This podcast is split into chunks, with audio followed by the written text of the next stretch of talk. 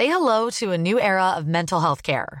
Cerebral is here to help you achieve your mental wellness goals with professional therapy and medication management support. 100% online. You'll experience the all new Cerebral Way, an innovative approach to mental wellness designed around you.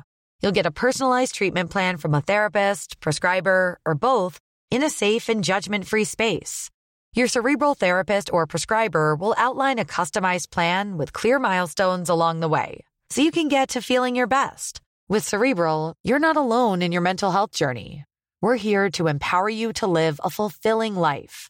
So take that first step towards a brighter future and sign up today at cerebral.com slash podcast and use code ACasts to get 15% off your first month. Offer only valid on monthly plans. Other exclusions may apply. Offer ends July 31st, 2024. See site for details. Da har vi akkurat spilt inn en ny episode av Aftenpodden USA, og vi har snakket om at det jo har vært sånn lenge at alle disse republikanske presidentkandidatene de kaster seg inn for å slå Trump, men ingen tør å angripe han før nå, for nå har det kommet en skikkelig sånn angrepsbikkje på banen.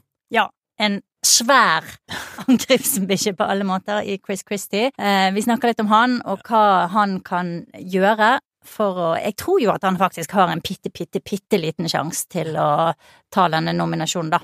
Det virket som sjansen hans økte litt eh, bare i løpet av et par minutters tid i denne episoden her. Ja, det er sant. Her er det noen Christie-fans som kommer frem. Ok, du, eh, denne episoden kan du høre i Aftenposten-appen og hos Podme.